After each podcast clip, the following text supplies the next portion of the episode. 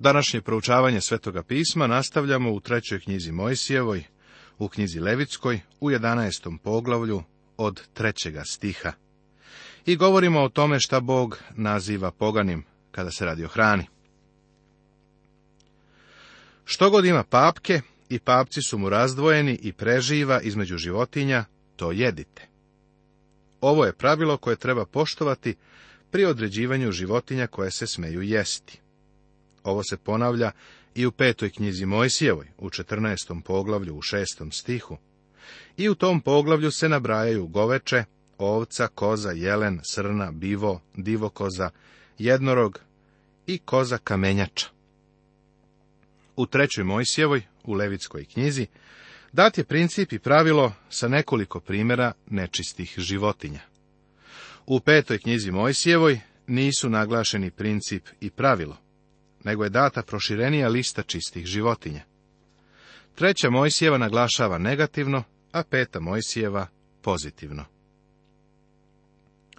U trećoj Mojsijevoj podela na čiste i nečiste životinje je oštro data, iako ovo nije nova zapovest.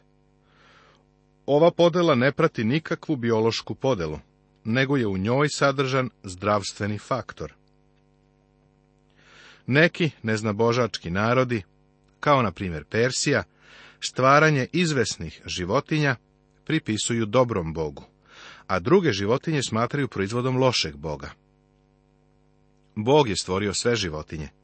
Nije pravljena ni razlika u prirodi životinja, u smislu da neke predstavljaju greh, a druge vrlinu. Na primjer, lav je bio nečist, ali on predstavlja gospoda Isusa Hrista i simbol je judinog plemena. Zato se Hristos naziva lavom iz plemena Judina.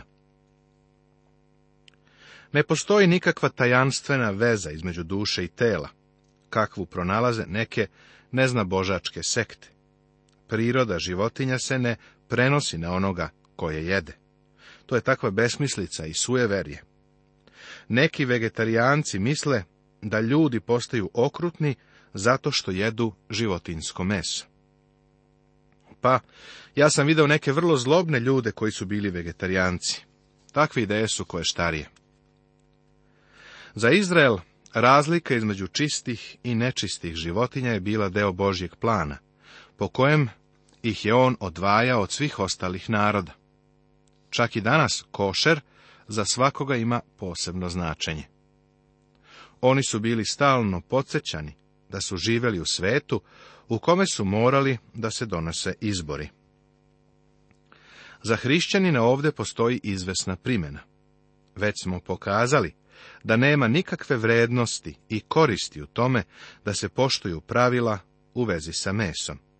Ali, zanimljivo je zapaziti da je reč meditirati figurativan izraz za kravu koja preživa. Nego mu je omilio zakon gospodnji i o zakonu njegovu misli meditira dan i noć, kaže psalam prvi u drugom stihu. Meditacija, odnosno razmišljanje, je vrlo vredna za preživanje i duhovnu korist vernika. Slično tome, razdvajanje papaka govori životu vernika u odvojenju. Molim vas dakle ja, suženju gospodu, da živite dostojno zvanja u koje ste pozvani, kaže poslanica Efescima u četvrtom poglavlju u prvom stihu. I živite u ljubavi, kao što je i Hristos vas ljubio. Pazite dakle brižljivo kako živite, ne kao nemudri, nego kao mudri, dva su stiha iz Efescima petog poglavlja. Veza između proučavanja Božje reči i života hrišćanina je vrlo jaka i čvrsta. A ti ostani u onome što si naučio, i u šta si uveren, znajući od koga si naučio i što iz malena znaš sveta pisma, koja te mogu umudriti na spasenje verom u Hrista Isusa, kaže druga poslanica Timoteju, treće poglavlje 14. i 15. stih. Nego budite izvršioci reči, a ne samo slušači, koji sami sebe varaju, kaže Jakovljeva, 22. stih prvog poglavlja. Prijatelju, Život vernika je povezan sa Božjom rečju. Ako prolaziš kroz ovaj svet, morat ćeš da preživaš reč Božju i morat ćeš da imaš život odvojen. Život koji samo Božja reč može da proizvede. Vernik koji proučava Bibliju, koji praktikuje ono što Božja reč govori, svojim delima i životom prepoznaje se kao dete Božje. Prijatelju, kakav trag ti ostavljaš? Sećam se jedne priče o nekom čoveku pre dosta godina, kada je neko pokušao da mu da traktat. On je pitao šta je to? I rekli su mu da je to traktat. On ga je vratio, rekao da ne zna da čita. A onda je dodao, samo ću da pratim vaše tragove. Ali onih što samo preživaju ili što samo imaju papke razdvojene, ne jedite, kao što je Kamila, jer preživa, ali nema papaka razdvojenih da vam je nečista. I i zec, jer preživa, ali nema papaka razdvojenih, nečist da vam je. I zec divlji, jer preživa, ali nema papaka razdvojenih, nečist da vam je. I svinja, jer ima papke razdvojene, ali ne preživa, nečista da vam je. Mesa od njih ne jedite, niti se strva njihova dodjevajte, jer vam je nečisto. Ovo je proširena lista nečistih životinja sigurno ima nešto u vezi sa tim životinjama. Samo su biljoedi preživari. Ovim su eliminisane životinje mesožderi. Bog je upozorio na upotrebu kamiljeg mesa. Možda bismo reagovali na sljedeći način, ko bi još to poželeo. Zar ne misliš da ovo daje notu humora gospodnjim rečima, kada on optužuje fariseje da polove komarca, da gutaju Kamilu. Kamila je bila ne samo nezgrapna, nego i nečista. Pitomi zec je nešto poput zeca, ali živi na stenovitim mestima, odgovara našem današnjem zecu. Meni je vrlo zanimljivo da ima onih koji ističu da čovek ne sme da jede svinjetinu, ali nikada nisam čuo da spomenju kako ne smiju jesti ni zečetinu. Svinja ima razdvojene papke, ali ne preživa. Ona kao da stalno jede, ali ne preživa. Zanimljivo je i da to zapazimo, da je svinsko meso još uvek teško za probavu. Svinja je dakle nečista životinja, nečista je u načinu svoje ishrane. Izraelcima je čak bilo zabranjeno da dodiruju leš nečiste životinje. Neizbežna je duhovna primjena ovoga. Čista i nečista bića u vodi. A između svega što je u vodi ovo jedite, što god ima pera i ljusku u vodi, po moru i po rekama jedite. A što nema pera i ljusku u moru i u rekama, između svega što se miče po vodi i živi u vodi, da vam je gadno. Gadno da vam je, mesa da im najedete i na strv njihov da se gadite. Što god nema pera i ljuske u vodi, to da vam je gadno. Postoji oštra granica i ovde, kao i između životinja. Čista riba se karakteriše sa dva vidljiva obeležja, po perajama i po ljusci, odnosno krljušti. To je čisto. Ovo pravilo važi i za slatkovodne i za morske životinje. Vodeni gmizavci su bili zabranjeni, što je eliminisalo veliki deo vodenih stvorenja. Nisu nam dati primjeri, verovatno zato što je razlika oštro napravljena. Izrael je zavisio od snabdevanja ribom iz Mediteranskog mora, Galilejskog mora i reke Jordan. Riba je imala istu istaknutu ulogu u ishrani naroda.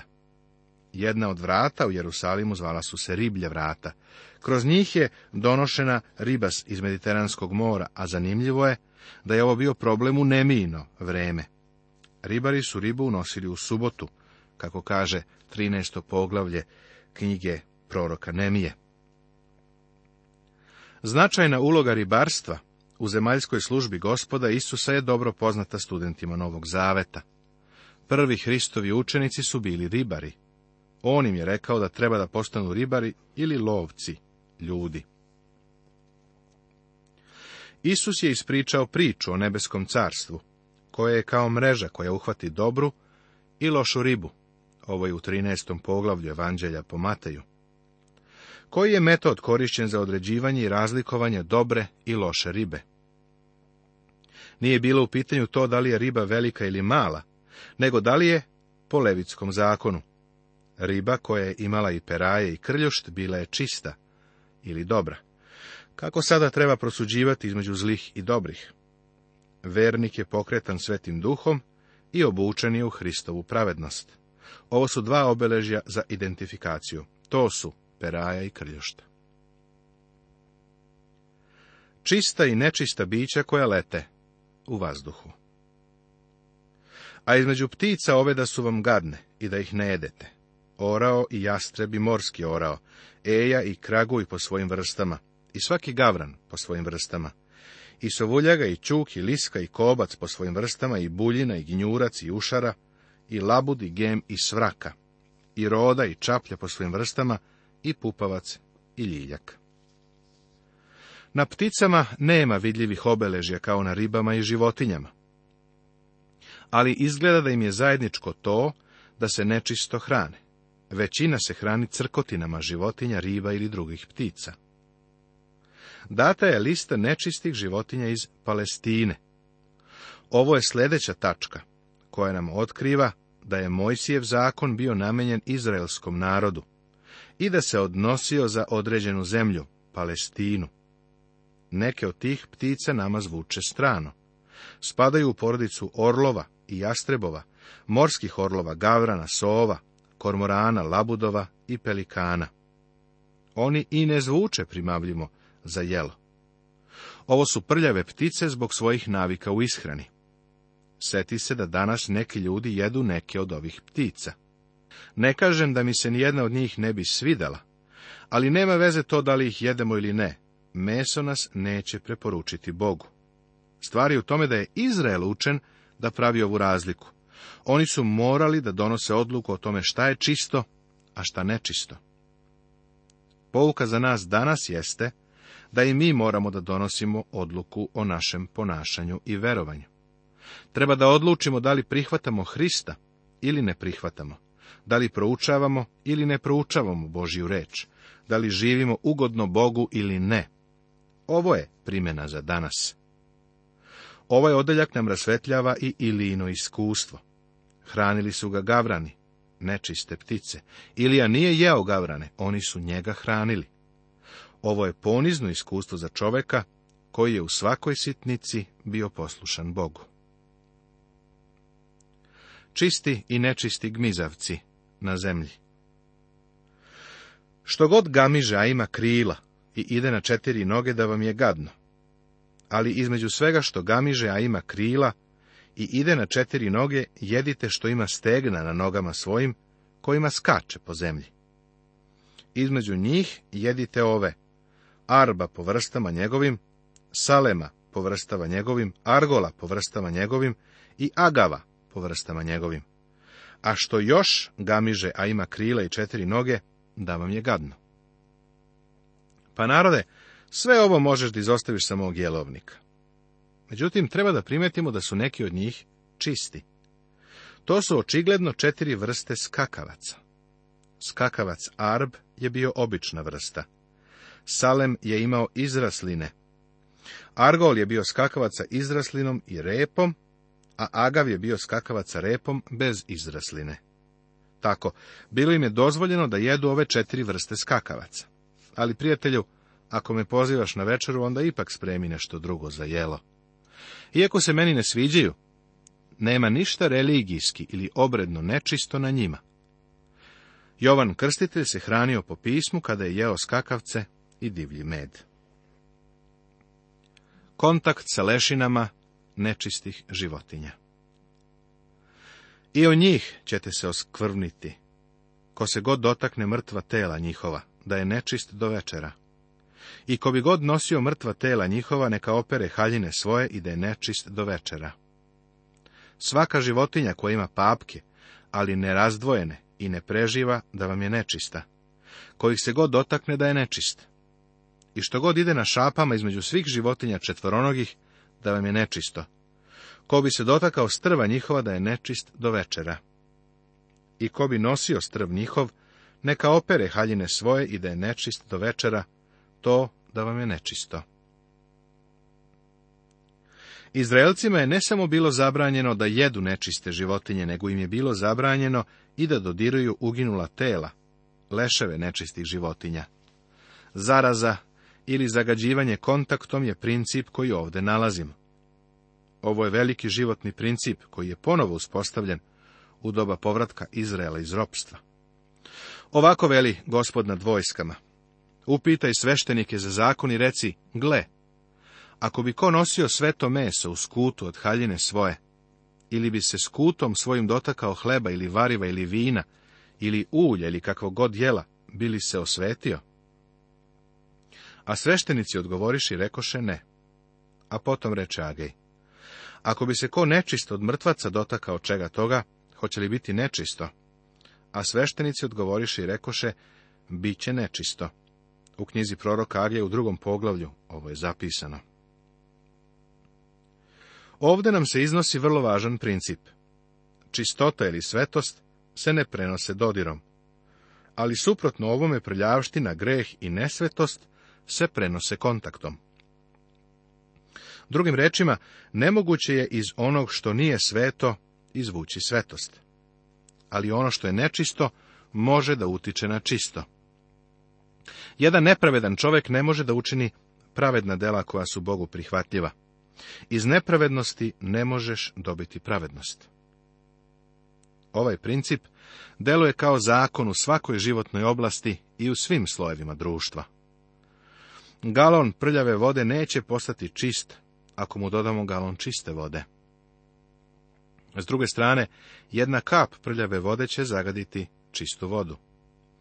Dečak sa boginjama nikada se neće izlečiti kroz kontakt sa dečakom koji je zdrav, ali će ovaj zdravi dečak dobiti boginje od bolesnoga. Hrišćanin ne može da se meša sa svetom i da se igra sa grehom, a da se ne isprlja. Odakle nam samo ideja da hrišćanin može da se poigrava drogom i alkoholom, noćnim klubovima, divljim žurkama? Neki tvrde da je način za dobijanja izgubljenih ljudi taj da treba da ih susretnemo na njihovom nivou. Pa, da li oni izgubljene na ovaj način dosežu? Ne, oni su zagađeni i sami učestvuju u ovim gresima. Novi zavet je jasan u vezi sa ovim. A druge spasavajte grabeći ih iz ognja. Prema trećima pak budite milostivi u strahu, mrzeći i haljinu koja je od ploti okaljana, kaže poslanica Judina 23. stih. Užasna je greška mešati se sa grehom. Treba da se čuvamo zagađenosti svake vrste. Kad god bi hodajući putem ugledao mrtvog psa ili medveda, Izraelac bi se ovoga prisjetio. Bilo mu je zabranjeno da leš nosi ili dotiče. Nije smeo da uzima ni kosti, ni kožu, ni za kakvu upotrebu. Ako bi slučajno nepažnjom dotakao lešinu nečiste životinje, morao je da opere odeću i da ostane nečist do kraja dana. Ovo su za nas velike duhovne pouke. Hrišćanin je posvećen Hristovim otkupljenjem i odenut je njegovom pravdom. Ali hodamo ovim svetom u kome možemo da se zaprljamo. Još uvek imamo staru prirodu. Sve dok ovo telo u smrti ne položimo, nećemo biti potpuno i sasvim posvećeni i sklonjeni iz samog prisustva greha i između životinja koje pužu po zemlji, da su vam nečiste. Lasice i miši kornjače po svojim vrstama, i ježi, gušter i tvor i puž i krtica. To vam je nečisto između životinja koje pužu, kojih se dotakne mrtvih, da je nečist do večera. Ovo su bića koja žive na tlu ili ispod zemlje. Ona su bila uobičajena, ali su Izraelci morali da ih izbegavaju, lešina krtice je mogla da ih zagadi isto koliko i lešina slona. Zato se Izraelac stalno prisjećao da živi u svetu palih bića i da su mali gresi u Božim očima odvratni isto koliko i veliki. Truni balvan su Bogu isti. Male grehe je trebalo izbjegavati baš kao i velike. I svaka stvar na koju padne koje od njih mrtvo, bit će nečista bila sprava drvena ili haljina ili koža ili torba i svaka stvar koja treba za kakav posao, neka se metne u vodu i da je nečista do večera, posle da je čista. A svaki sud zemljani, u koji padne što od toga, i što god u njemu bude, bit će nečist i razbite ga. I svako jelo što se jede, ako na njega dođe onaka voda da je nečisto, i svako piće što se pije u svakom takom sudu da je nečisto, i na što bi palo nešto od tela njihova mrtva, sve da je nečisto i peć i ognjište neka se razvali, jer je nečisto i neka vam je nečisto. A studenac i ubao, gde se voda skuplja, bit će čist, ali što se dotakne strva njihova, bit će nečisto. Sada idemo u kuhinju. Ovo mora da je bilo svakidašnje iskustvo, da su glodari ulazili u kuhinju, upadali u neki od tih sudova i tu bi uginuli. Zemljeni sud bi se morao razbiti, a voda ili žito ili bilo što drugo u njemu moralo se baciti. Bronzani bakarni sud trebalo je oprati. Vidiš, Bog je svoj narod učio čistoći u pripremi hrane. Učio ih je i svetosti. Svaki sud bio bi svet gospodu. Pa je sve moralo ostati čisto. U Mojsijevom zakonu čistoća je išla odmah uz pobožnost, i ovo se primjenjivalo čak i na najsitnije detalje u domaćim prilikama. Bog je svoj narod čuvao od zagađenosti i zaraze. Nastavit će se.